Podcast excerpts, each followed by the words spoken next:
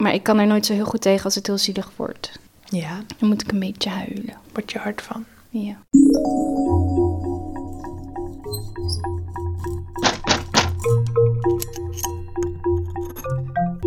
Al sla je me dood. Ik had bijna een date met een crimineel. Hè? Ik ging deze man even googlen. Eh, ja. Zoals een erg goede tip van jou. En eh, er, er is gewoon nul dingen zijn erover te vinden. Nul. Wat? Nul dingen. Als je deze man zijn voor- en achternaam intikt op Google. Oké. Ik ga het maar, even doe doen. maar even. Dan vind je niks. Niks. Helemaal niks. Het is onmogelijk om onvindbaar te zijn op het internet. Hoe kan dit? Als ik op Google Images druk, staat er gewoon helemaal niks. Helemaal niks. match any single image result. En als ik op, zeg maar, gewoon een normale pagina, zijn er negen resultaten waarvan echt niks, zeg maar, zijn naam is. Ja, Alleen maar een soort van mensen die een, een, een soort van dezelfde achternaam hebben. ja. En één pagina maar. Ja. Wauw. En hij heeft niet, hij bedoelt wel een redelijk speciale naam, maar niet zo dat ik denk, Nee, toch? dat is... Ik heb heel lang gezocht, ook nog. En uiteindelijk heb ik denk ik zijn broer gevonden. Want er is één foto op die Facebook dan weer waar hij dan ook op staat. Maar een beetje op de achtergrond. En dat is alles. Heeft hij wel dezelfde achternaam dan? Ja. Maar dat lijkt alsof hij niet bestaat. Ja. En ik las toevallig deze week een verhaal. Zo'n frappant verhaal, ik wil het je nog vertellen. Over een vrouw die, terwijl ze nog leeft, doodverklaard is. Oh. En ze kan zichzelf niet levend verklaren Oh. in de bureaucratie van Frankrijk. Het is een Franse vrouw. Ja. Dus nu is ze al drieënhalf jaar doodverklaard. Ze kan niet... Ze heeft geen rijbewijs, kan geen baan vinden. Ze krijgt geen eh coronaprik. Eh, ze krijgt haar geld niet meer. Ze, haar bankrekening is opgezegd. Wat bizar. Ja, Oh, misschien heeft hij dat ook. misschien heeft hij het zelf. Maar hij heeft wel een baan, weet ik toevallig. Ja, nou ja, maar misschien werkt hij zwart. Dat kan ook natuurlijk. Ja. Oh. Ja. Maar of misschien is hij echt dood. En was het gewoon een spook? Ja. Oké, nu gaan we weer een stapje te ver. ik, vond het, ik vond het meer aannemelijk dat het gewoon een crimineel is. Ja, ik, vind, ik denk uiteindelijk denk ik ook dat het gewoon een crimineel is. Maar nou, ben ja, jij dus die wel, even ontsprongen? ja, het is wel heel spannend. Een goede tip om niet vermoord te worden is... Ga niet, niet, met criminelen omgaan. Precies. Precies. je, volgt, je volgt gewoon onze eigen tips op. Ja, goed, hè? wel- ja. En, en er is dus niks engs nu met me gebeurd.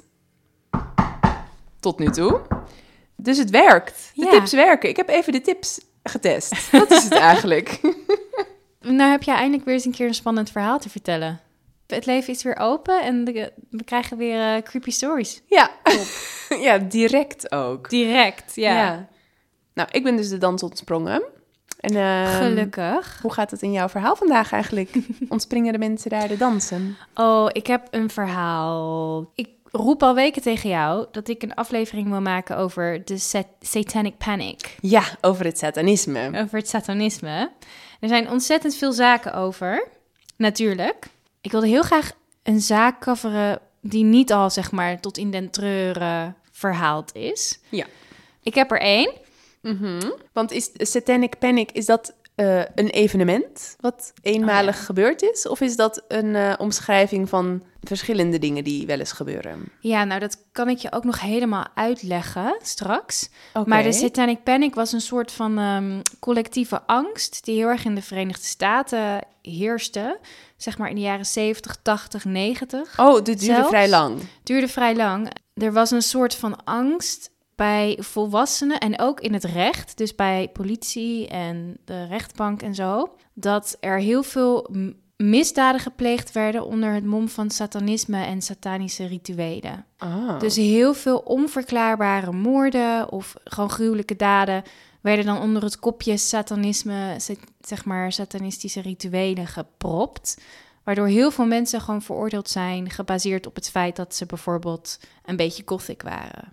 Het klinkt ook een beetje alsof ze het vakje overige per ongeluk met satanisch gelabeld hebben. Ja, het is een beetje de heksenjacht van de jaren 80 en 90. Zo moet je het een beetje zien. Huh.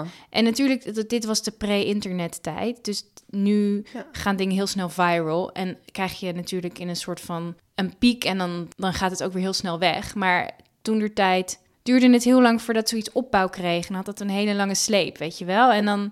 Het was een sluipzatel. Ja, precies. Maar goed, ik wilde al lang een zaak zeg maar, rond het satanisme behandelen. En ik heb er nu één. Want wat is eigenlijk het satanisme? Officieel is dat het aanhangen van Satan. Ja, dat is het En dat is aanbidden dan- van Satan in plaats Eigenlijk is van God. dat dus iets christelijks om te doen. Want Iets Satan... antichristelijks. Ja, Oh, dat is- ja. Satan wordt ook de antichrist, antichrist Ja. genoemd, antichristus. Ja. Oké, maar nu ga ik jou een verhaal vertellen. Het verhaal van Tommy Sullivan Jr. Spannend.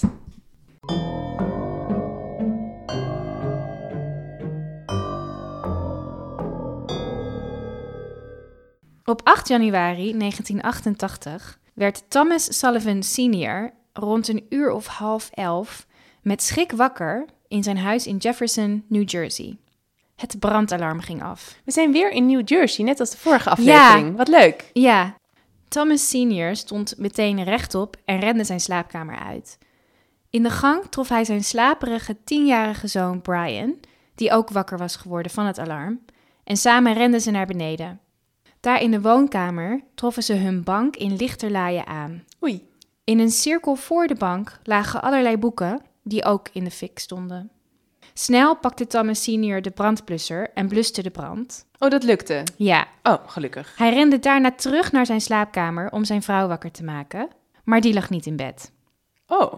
Ook zijn 14-jarige zoon Tommy was niet in zijn kamer. Oh. In paniek ging Tom Sr. daarom naar het huis van de buren, de Eastmans. Toen hij de voordeur uitstapte, zag hij dat zijn auto, die voor de deur geparkeerd stond, langzaam van de oprit af aan het rollen was en in een dikke laag sneeuw tot stilstand kwam. Hij rende er achteraan, denkende dat misschien zijn vrouw en zoon daarin zaten, Oh ja, dat ze gingen vluchten voor de brand. maar de auto was leeg. Huh. Het leek erop alsof iemand de auto had willen stelen en het om een of andere manier niet was gelukt. Aangekomen bij het huis van zijn buren, belde hij de politie. Daarna ging hij met buurman Fred Eastman terug naar zijn huis, op zoek naar Betty Ann en Tommy. Dat was het andere kind en de moeder. Ja. Ja. Enkele minuten later deden ze daar een gruwelijke ontdekking. Oh nee. Onderaan de trap van de kelder lag het toegetakelde, levenloze lichaam van zijn vrouw, de 37-jarige Betty Ann Sullivan. De kelder zat onder het bloed. Wow. Van de vloer tot aan de spelletjes die in de kast stonden, overal lagen bloedspetters. Naast de twaalf messteken die Betty Ann had gekregen, waren haar handen deels afgehakt, haar keel doorgesneden en er was gepoogd haar ogen uit te steken. Eeuw. Oh, wat super naar. Oh my god, je zal oh ja, maar dit was vinden. een, eh, een eh, je mag niet eten bij deze aflevering. Ja, eh, fijn dat je dat nu aflevering. Ja, zegt. sorry, Ja. te laat. Eh, en, en dat kind? Die hadden ze nog niet gevonden. Oké, Die was nog vermist. Al snel kwam de Jefferson politie ter plaatse. En hoofdrechercheur Paul Hart, die zelf een tour van Vietnam achter de rug had, dus die had een aantal dingen gezien al in zijn leven. Hij zei later tegen het weekblad Spin dat de moord op Betty Ann het gruwelijkste was dat hij ooit had gezien. Oké, dat zegt iets, ja. Ja.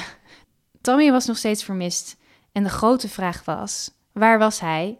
Wat was er gebeurd? En wie was ervoor verantwoordelijk? Ja, En is Tommy misschien ontvoerd door de moordenaar? ja, ik, nou, ja er zijn heel erg veel vragen, heb ik. The fuck? En eh, is er een link met wie dat kind dan was? Dat die ontvoerd is of zo? Of wie is, wie is Tommy eigenlijk? Nou, goed dat je het vraagt. Tommy Sullivan was altijd een vrolijke en brave jongen geweest. Als klein kind maakte hij graag modelvliegtuigjes met zijn vader. En als tiener haalde hij goede cijfers op school en hij was een steratleet. Een van de meest populaire sporten in Jefferson was worstelen. Oké. En Tommy mocht na een strenge selectie meedoen in het team van zijn school.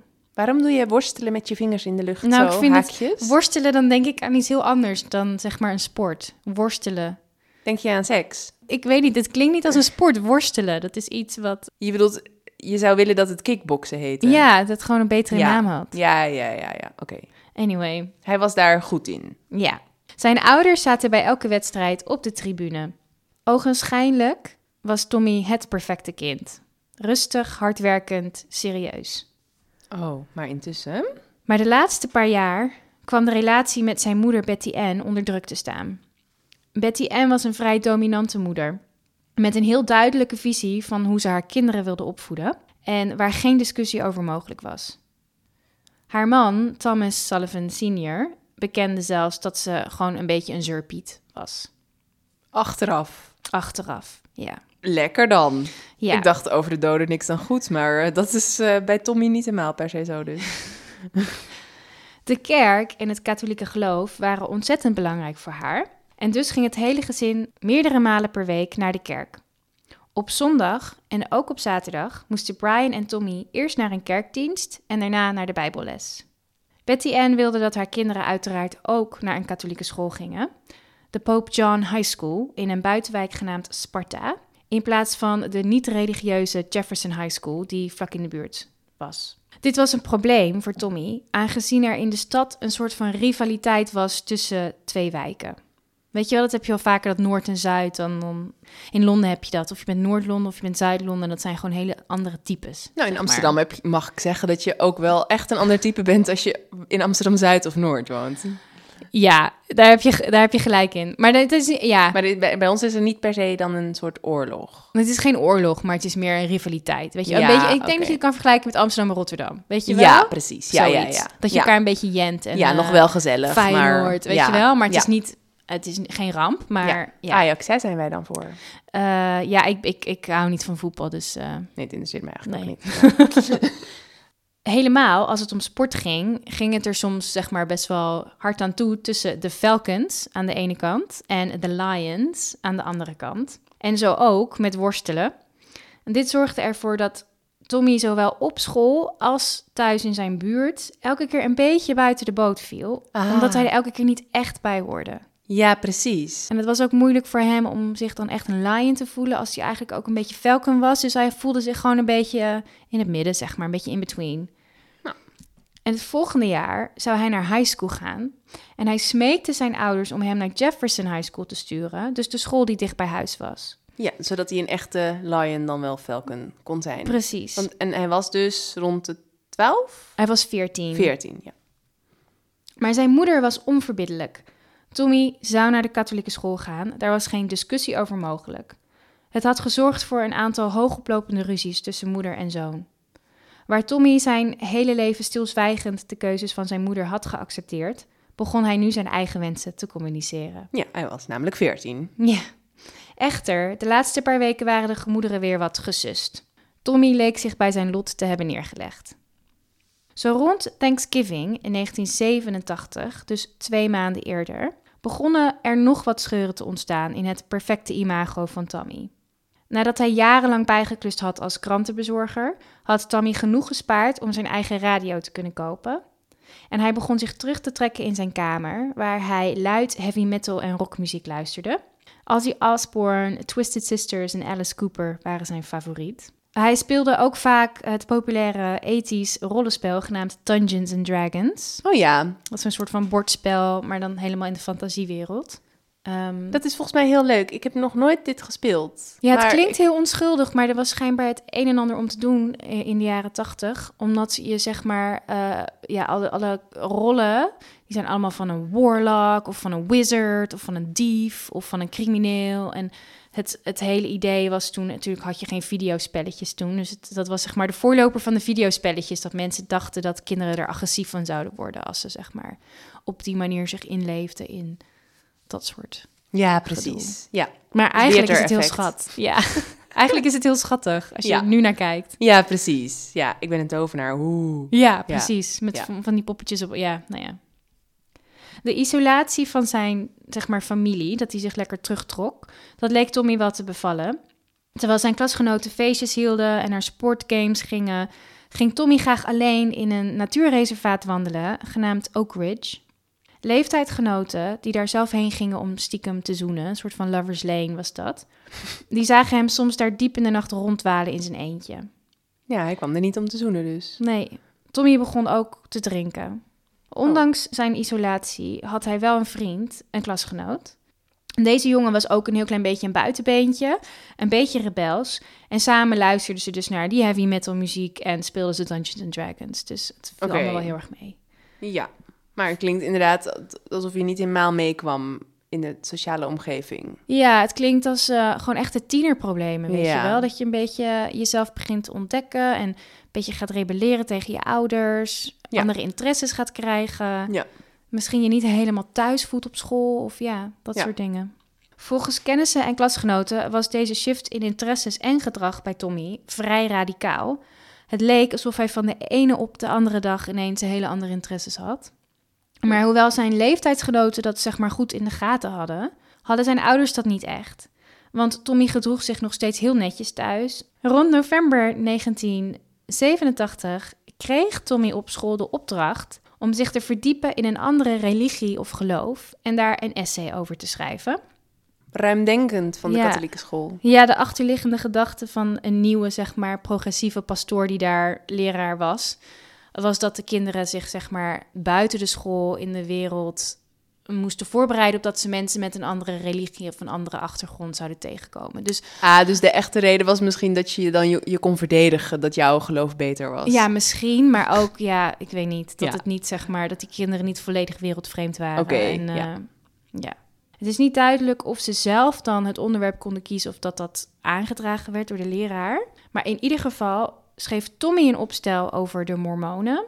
En zijn vriend, zijn ene klasgenotenvriend, schreef een opstel over satanisme. Mm, En dit is daar hoe, zijn we. ja, en dit is hoe Tommy voor het eerst in contact komt met satanisme. Dat is niet per se een religie, toch? Het lijkt me niet dat dat dan aangedragen werd door de docent. Nee, het is heel onduidelijk. eh, lijkt me niet. Nee, toch? Nee, maar het is Ja. dus wel voorgekomen dat op deze streng katholieke school een kind een opstel heeft geschreven over satanisme. Nou, nou. Misschien dat het mocht als het echt zo ging over satanisme is slecht en blijf erbij uit de buurt. Misschien dat dat de insteek was. Ik weet Ja. het niet. Wij moesten dat ook, ik weet nog toen ik 12 was, moest ik dat ook doen. En, Een ehm, opstel over satanisme? Nee, over een andere religie. Je mocht het zelf kiezen. En toen deed ik het over vegetariër zijn. nou, zoals ik al net een beetje heb uitgelegd, was toen in de jaren 88 was de satanic panic in de Verenigde Staten. Dus die collectieve angst voor satanisme en satanisch ritueel misbruik. De media speelden hierin een grote rol met berichten over duivel aanhangende tieners die culten oprichten en rituele moorden pleegden. Deze hysteria zorgde er natuurlijk voor dat satanisme in populariteit won. Alleen al omdat het constant in het nieuws was. En simpelweg, weet je wel, rebellerende kinderen met een Petruskruis om hun nek werden dan al meteen voor duivelse moordenaars aangezien. Oh ja, en het is natuurlijk super spannend. Ja, Ja, precies. dus ik zou me daar ook in gaan verdiepen dan. Ja. Ja. nou die paniek die was begonnen zo eind jaren 60. Nadat verschillende cults, zoals bijvoorbeeld de, me- de mensen, cult en moorden, groot in het nieuws waren geweest. In 1969 schreef een man genaamd Anton LaVey een boek genaamd De Satanische Bijbel. Oh, En dat wordt echt gezien als de Bijbel van het satanisme. oh wauw. Het ging over de geschiedenis van het satanisme en het geloof in de duivel en bepaalde rituelen die je moet doen en gewoon echt het geloof. In de jaren 80 en 90 bereikte, bereikte deze angst dus een hoogtepunt. Onverklaarbare moorden, gruwelijk misbruik en tienerzelfmoorden werden gewoon weggezet als satanistische rituelen gepleegd door duivelaanbidders. Of satanisme nu echt het motief was of niet, het werd gegeven als officieel antwoord op allerlei misdaden. En deze hysteria ging zelfs zover dat in sommige steden politie zelfs Satan Squads hadden opgericht. Wat geweldig. Agenten die speciaal jaagden op satanische cults. Wauw. De Satan Squad. Ja. Daar wil ik ook in. Ja. Oké. Wat was die andere? Wat de, de Iceland Viking Squad was ja, dat. die was ook al zo geweldig. Ja, ik ga toch liever voor de Viking Squad. Ik ga voor de Satan Squad. Vind ik echt veel leuker. Maar we gaan squads verzamelen.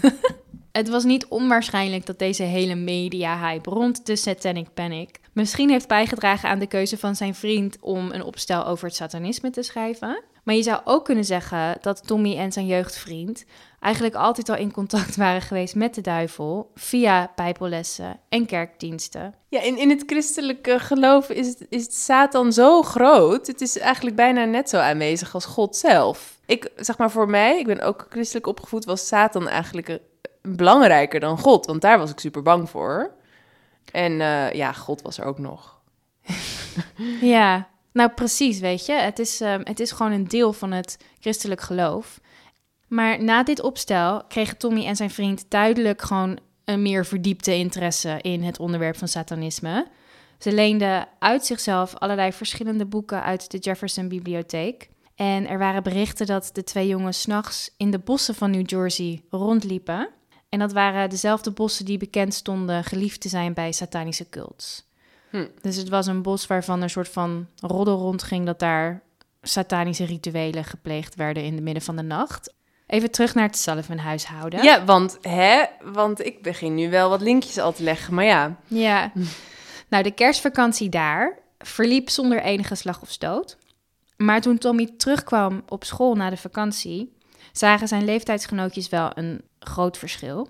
Het was alsof de nette, slimme en brave Tommy volledig was veranderd van de een op de andere dag. Op 6 januari kreeg zuster Filomena van de school van Tommy een melding van verschillende studenten. Tommy Sullivan had hem behoorlijk bang gemaakt. Hij had ze verteld. Satan verscheen gisternacht in mijn dromen. Hij had mijn gezicht, hij had een mes en hij droeg mij op satanisme te preken tegen alle kinderen en daarna mijn hele familie te vermoorden. Ik ga het doen. Oh nee. Tommy- Het was echt hij. Tommy had nooit problemen op school gehad met andere kinderen en hij was misschien niet zo populair, maar hij stond wel bekend als gewoon een sympathieke, onopvallende jongen. Deze mega verandering in zijn karakter deden zijn klasgenoten schrikken en verschillende meldingen kwamen binnen bij die zuster Filomena, dat volgens mij was dat de directeur of directrice van de school. Ze belde daarom natuurlijk meteen Betty Ann, zijn moeder, die zich nog diezelfde dag samen met Tommy bij de zuster meldde. Het hele verhaal verbaasde Betty Ann behoorlijk.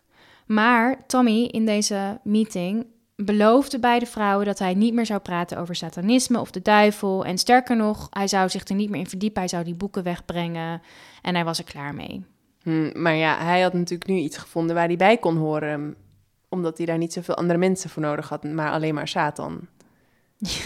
Ja, toch? Want hij, hij Ja. hoorde de hele tijd nergens echt bij. Ja, misschien was dat het wel. Ik vind het ook behoorlijk eng dat hij dan zei dat hij in de spiegel keek en de, het gezicht Ja. van de duivel zag en een demon en niet meer zichzelf. Het is heel eng. Het is echt een beetje psychotisch. Ja, of hij is bezeten. Ja, of het is echt zo. Ja. Het is echt de duivel. Omdat het gewoon echt in één keer van de een op de andere dag zo was het een andere jongen, leek wel. Ja. Op zaterdag zat Tommy weer netjes in de kerkbanken voor de zaterdagdienst, waar hij hardop meebad. En Betty Ann besloot samen met haar man, Thomas Senior, dat het hele akkefietje over satanisme toch niet iets was waar ze zich zorgen over hoefde te maken. ja, want hij zat weer lekker te bidden. Ja, en ze keek naar haar zoon en ze dacht, nee, komt wel goed met jou. Diezelfde avond ging Tommy naar de kelder. Die kelder was omgebouwd tot een soort van niche voor de kinderen... waar ze spelletjes konden spelen en tv konden kijken. Een soort van kinderhangkamertje. Ja. Daar ging hij de film Friday the 13th kijken. Dit was ook niet een heel gezellige film. Mm, Nee, dat is ook een beetje een slasher, toch? Tot zijn moeder hem kwam vertellen dat het tijd was om naar bed te gaan. Oh. Rond tien uur 's avonds hoorde Brian, zijn kleinere broertje, wat commotie. En hij stond op uit zijn bed om te kijken wat er aan de hand was. Onderaan de trap trof hij Tommy met zijn handen onder het bloed. Tommy vertelde zijn jongere broertje dat hij zijn handen pijn had gedaan en dat hun moeder hem naar het ziekenhuis zou brengen en dat hij gewoon maar weer naar zijn bed moest gaan. Dus Brian was weer gaan slapen. Wow. Oké, dus toen was waarschijnlijk die moeder al vermoord. Een half uur later werd hij weer wakker geschrikt en dit keer door het brandalarm. Ja. Toen de politie en onze rechercheur Paul Hart na de gruwelijke vondst van Betty Ann's toegetakelde lichaam door het huis liepen, op zoek naar aanwijzingen, werd het ze eigenlijk al snel duidelijk dat de 14-jarige vermiste Tommy misschien wel iets te maken had met deze bloederige scène. Oh. In zijn slaapkamer, hangend naast de posters van Twisted Sister, Alice Cooper en Ozzy Osbourne, vonden ze een heel groot Petruskruis. Dat is het omgekeerde kruis en dat is de teken van de duivel. Ja. Op zijn nachtkastje lag een schrift vol met tekeningen van demonen, de duivel en satanische teksten. Het schrift had de naam Boek van Schaduwen en in Tommy's handschrift vonden ze daar een pact met de duivel, letterlijk. Oh, echt? Ik durf het niet voor te lezen. Wil jij het even doen? Omdat je dan denkt dat de duivel het hoort? ja, wie weet. Ja, dat zou kunnen, maar dan... Maar je vindt het niet erg dat ik een pak Nou met de ja, ik weet maak? het niet. Wat denk jij? Wil je, durf je het voor te lezen? Ik durf het wel. Oké. Ja, fuck de duivel. Staat het hier? Het staat in ehm, italic. Mochten jullie nooit meer wat van me horen, dan is het de schuld van Sylvia. Aan de grote demonen van de hel. Ik wil graag een plechtige uitwisseling. Als u mij de meest extreme van alle magische krachten geeft, zal ik veel christelijke volgelingen doden die hun geloof serieus nemen. Over precies 20 jaar beloof ik zelfmoord te plegen. Ik zal alle tieners op aarde verleiden om seks te hebben, incest te hebben, drugs te gebruiken en je te aanbidden. Ik geloof dat het kwaad opnieuw zal opstaan en het zal winnen van de liefde van God. Oké, ja, ik heb dit nu gezegd. Ja, je bent nog steeds, zeg maar, Annelies. Dus ehm, Ja, maar ik heb nu wel net gezegd dat ik beloof over twintig jaar zelfmoord te plegen. Ik breek even de belofte die ik net heb uitgesproken ja, richting hij is de duivel. Oké, fijn. Ja, ja. Toch, toch belangrijk. ja, even. en ik ook. Ja. Dit zei Tommy Sullivan, niet wij. Terug naar het verhaal. Ja. De half verbrande boeken in de woonkamer, weet je nog, die zo Ja, bij de dat bijbels of zo? Die waren geleend van de plaatselijke bibliotheek en die hadden namen zoals The Picture Book of Devils, Demons and Witchcraft. En er waren ook pagina's uit de satanische Bijbel die door de kamer waren gestrooid en in brand waren gestoken. Wow, what the fuck? Maar dit is toch echt... Wat? Maar wat ik me ook afvraag is, die agenten die lopen door het huis en die zien dat zo in een oogopslag. Hoe kan het dat die ouders dat nooit gezien hebben in zijn kamer? Eh, Ja, maar misschien had hij gewoon al die boeken geleend echt een dag van tevoren of zo. Ja, En hij hield het dus heel, hij deed heel braaf thuis. Dan gaan die ouders ook niet denken, er is iets mis, we moeten die kamer eens even doorzoeken. ja, ik weet het niet. Hij is, het is een jongen van 14 jaar die een Mhm. soort de duivel aanbidt en zijn moeder gruwelijk vermoordt. Hmm, Dit is zo insane. Ja. Oké. Nou ja, de jacht op Tommy werd dus geopend. Want mocht deze jongen dus daadwerkelijk in staat zijn geweest zijn moeder zo toe te takelen, Ja, dan zou Dan- die ook inderdaad nog wel wat andere mensen kunnen vermoorden. ja, dan wilden ze hem wel heel snel vinden. En dat duurde niet lang. Om half tien op zondagochtend werd in een dicht begroeid gebied achter Fred Eastmans huis, de buurman, het levenloze lichaam van Tommy Sullivan Jr. gevonden. Huh. Wat? Zijn polsen en keel waren doorgesneden en naast hem lag het zakmes waar hij vermoedelijk zijn moeder en zichzelf Oh. mee had vermoord. Maar je kan misschien niet echt je eigen keel doorsnijden, toch? Ja, dat is. ehm, Want had Dat dat wordt vriendje gezegd. er ook nog iets mee te maken? ja, dat is een theorie. Nee, er wordt gezegd dat het niet mogelijk is om jezelf de keel door te snijden, omdat je, ik weet niet, vanwege je. Oh, ik wil er helemaal Ja. niet over nadenken. Nee, maar, maar, dat, dat Ja. schijnt dus een manier. Dat schijnt dus niet echt mogelijk te zijn. En het is de vraag hoe, hoe hij dat heeft gedaan met zijn 14-jarige spierballen. Nou ja, en hij had dus eh, geschreven dat hij dat pas over 20 jaar zou doen. Dus dat is dan, dat klopt niet helemaal. Nee, precies. En hij had ook geschreven en hij had gezegd tegen zijn klasgenootjes dat hij zijn hele familie wilde vermoorden. En ook dus zijn vader en zijn broertje. Nou ja, dat, dat, misschien dacht hij dat hij dat gedaan had met die brand Ja, natuurlijk. misschien. En hij had eerst ook nog gepoogd om met die auto weg te rijden. Ja. Weet je nog? Die Ja. was zo wegrollend eh, gespot door de vader. Maar omdat hij nog maar 14 was en nog nooit auto had gereden, was het hem gewoon niet gelukt. Hij wist niet Ja. wat hij moest doen. En waarom hij dan uiteindelijk zelfmoord gepleegd had, en hoe ook, hoe, hoe, dat, hoe hij dat heeft kunnen doen, is vrij onbegrijpelijk nog steeds. Oh, dus er is ook niet echt een antwoord gekomen.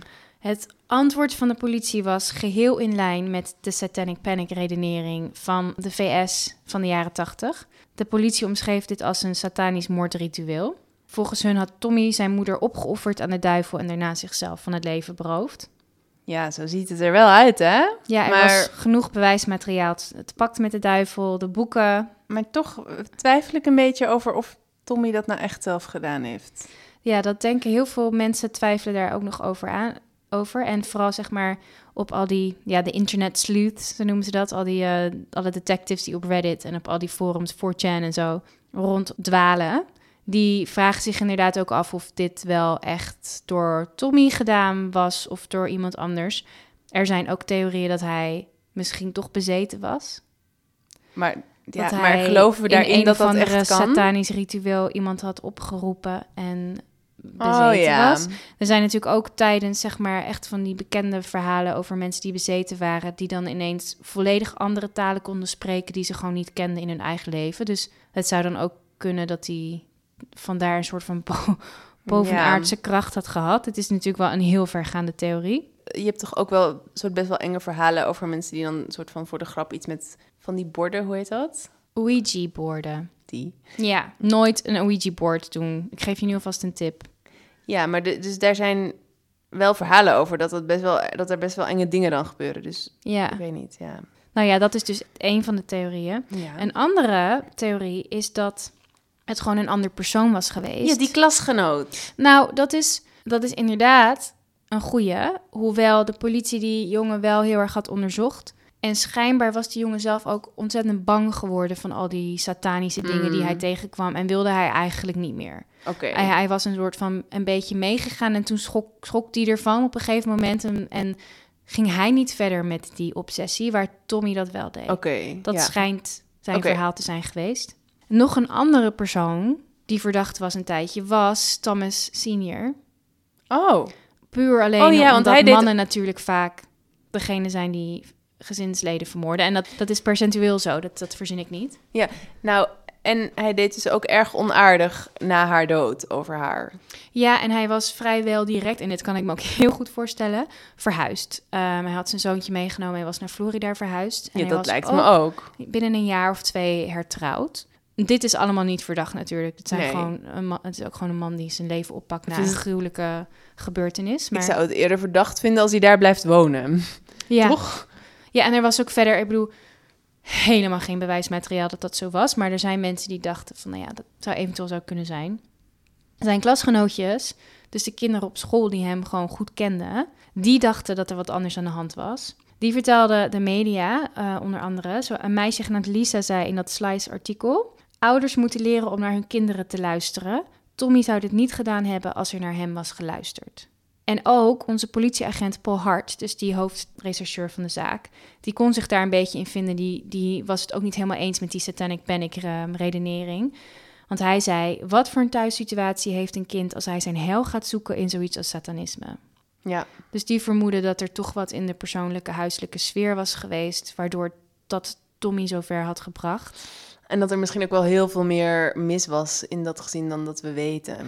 Ja, Ja. Er is dus verder niet... Maar ze, ze konden toch nog wel bijvoorbeeld zien met welk mes die moeder vermoord was... en of daar dan vingerafdrukken op zaten of zo. ja dat was het zakmes dat naast Tommy gevonden wa- was. En het, eh, Dat Ja. matchte wel. Ja. Ja, oké. dus dan is dat toch wel redelijk logisch. Ja, ik ben deze zaak zeg maar op het spoor gekomen door een podcast. Dat heet The Devil Within. Daar is de theorie heel sterk dat het dus wel de duivel was. Dat hij bezeten was en dat hij ergens mee in contact was Mm, ja. gekomen. En eh, hun theorie is ook dat Tommy in eerste instantie in satanisme ging verdiepen... om te bewijzen dat satanisme niet bestaat. Of dat de, dat de duivel niet bestaat, Mm. zoiets.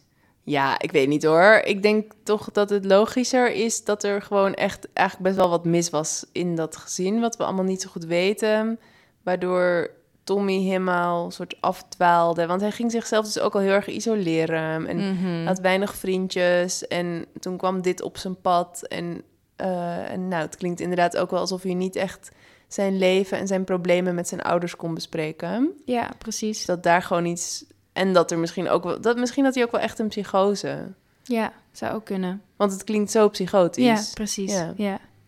Ik, ben, ik heb mezelf echt heel erg bang gemaakt. Met dit. Ja, Waar ben je het meest bang voor? Dat je nu dat die pact met de duivel die jij eh, net opgeschreven hebt en die ik uitgesproken heb. Ja, bijvoorbeeld, ik vind, ik vind zulke soort dingen gewoon echt mega creepy. Iedereen heeft zeg maar een, een ding waar die gewoon bang van wordt. En heel lang was het bij mij spoken en nu vind ik ze wel redelijk interessant. Maar nu, nu is dat dus echt gewoon dat soort dingen. Bijvoorbeeld ja. bezeten worden en demonen en de hel en dat soort Oh zaken. ja. Vind ik nu heel eng. Oké, nou moeten we volgende keer maar gauw weer over iets anders een aflevering maken. Ja, ik, ik gooi er wel weer wat luchtigers doorheen zo. Waar wil je het volgende keer over hebben? Ehm, leuke vraag.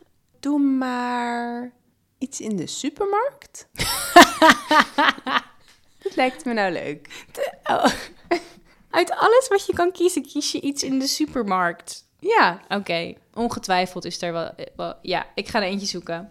Nou, misschien is er wel eens iemand bijvoorbeeld dat een dader niet wist hoe hij het lijk moest dumpen en dat hij het toen soort in plakjes in de supermarkt heeft gelegd.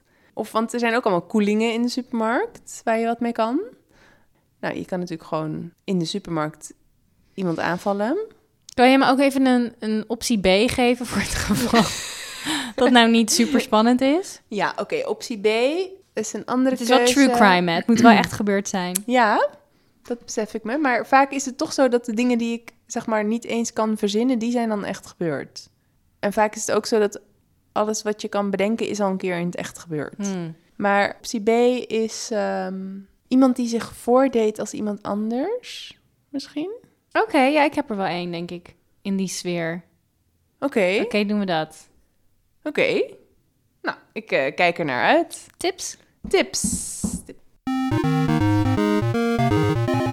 De grote wat moet je doen als je bijna vermoord wordt tip. Kaboing. Ik heb een erg goede tip. Die wel erg handig is voor als je misschien, als het zou kunnen gebeuren dat er een satanische inbreker komt. Of een satanische moordenaar in je huis. of Oké, dat is wel handig. Probeer toch altijd maar weer een manier te vinden om het te laten passen bij de aflevering. Dat apprecieer ik. maar het is op zich gewoon een algemene tip waar je heel veel aan gaat hebben. Ja. Let, let maar op.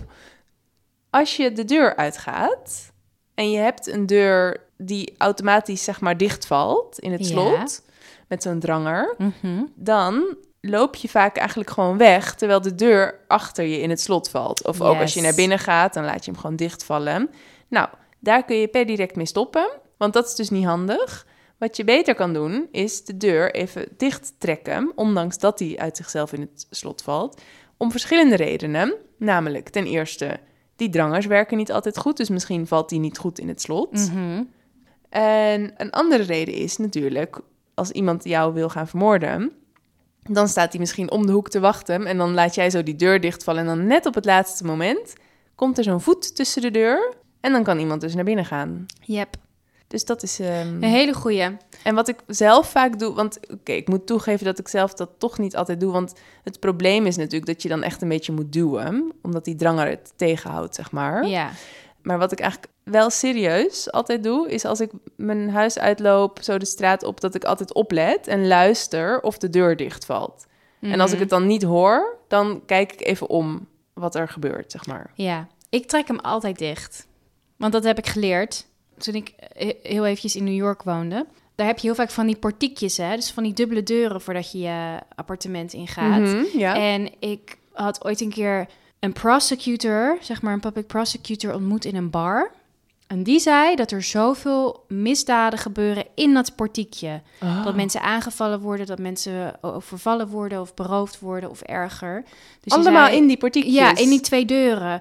Oh. En hij zei, je moet het altijd, altijd, altijd kijken. Zeg maar, altijd je omdraaien, de deur zo naar je dicht trekken terwijl je zeg maar kijkt. En dan Ja. zeg maar de andere deur dan ook weer dicht trekken en goed op slot doen voordat je zeg maar je huis binnen gaat. Dus niet zomaar achterloos naar binnen lopen, want in dat Ja. portiekje... In dat sluisje, zeg maar. Ja, precies. Want wat er dan gebeurt is, dan komen ze zeg maar achter je naar binnen. Dus dan blokkeren zij die deur. En die andere deur moet je weer met een sleutel openmaken. Ja, en dan ben je al te meer- laat. Ja, voor, ja. ja. Echt een goede tip. Ja. Ja. maar dat heb je, ik, ja, dat heb je ongetwijfeld ook wel in Nederland, in eh, flatgebouwen. Ja, bijvoorbeeld. Ik weet niet hoe dat precies, zeg maar, percentueel voor, vaak voorkomt in Nederland. In New York was dat een issue, maar... Mm, nou ja, en, en ik denk dat het een beetje een stedelijke tip is deze keer. Want dan heb je vaak trappenhuizen of portieken van flats of dat soort dingen. Maar Ja. nou, dat mag toch ook wel een keer. En als Maar- ik dan eindelijk naar de suburbs ga verhuizen zelf, dan eh, kom ik wel met meer... eh, Dan heb je die tip niet meer nodig. nee, dan kom ik wel met andere tips. Ja, precies. Komen we met suburbale tips. Ja. Ik dacht dan misschien een deurbel met dan zeg maar het geluid van een waakhond. Zodat, zodat ze afschrikken. Ja. Maar vaak drukken inbrekers niet per se eerst op de deurbel. Nee, Maar je kan gewoon een alarmsysteem. alarmsysteem, ja. En altijd je reepalarm meenemen. Misschien kun je dan een reepalarm dat het geluid maakt van een waakhond. Ja. Hoe klinkt Ik denk dat wij die gaan, onze allereerste merchandise wordt een rape alarm. We hebben al merchandise. Dat we verkopen op de site. Oh, oké, ja. Ja. Nou, verder kun je natuurlijk detective worden op onze Petje Af pagina. Petje.af slash als sla je me dood. Waar eh, nu de zaak van Slenderman op te beluisteren is. Wat heel veel mensen al geluisterd hebben. Ja, en dat heeft eh, raakvlakken met deze aflevering. Daarom, Zie je niet? precies. Ja. ik moest er ook al een paar keer aan denken. Ook omdat het zo van die tieners zijn die, waarvan je gewoon niet begrijpt wat er in dat hoofd gebeurt. Ja, hè? Misschien vind ik dat wel de creepyste moordenaars, de tieners. Ja, sowieso. Ja, Ja, ik weet dat er tieners naar ons luisteren. Dus, eh, hoi tieners. Jullie hoi zijn tieners. echt geweldig. Don't kill us. Ja, dat vooral. En we hebben dus ook deze week weer allerlei nieuwe detectives. Superleuk. Ja, welkom. Eh, welkom allemaal. De nieuwe detectives van deze week zijn Rosa, hallo. Wilma, Helene, Ilse, Nina, Marijke, Celine, Jorn, Marije, Nicole, Elise, Jasmijn, Josephine, Kim, Lampje, erg leuke naam, ja, Lotte, Anneke, Danielle Josephine. en Imke. Lekker veel zeg. Ja, Wat zo leuk. leuk. Welkom allemaal. Wil je nou ook detective worden? Dat kan. Dan kun je gewoon naar die website gaan, petje.af slash.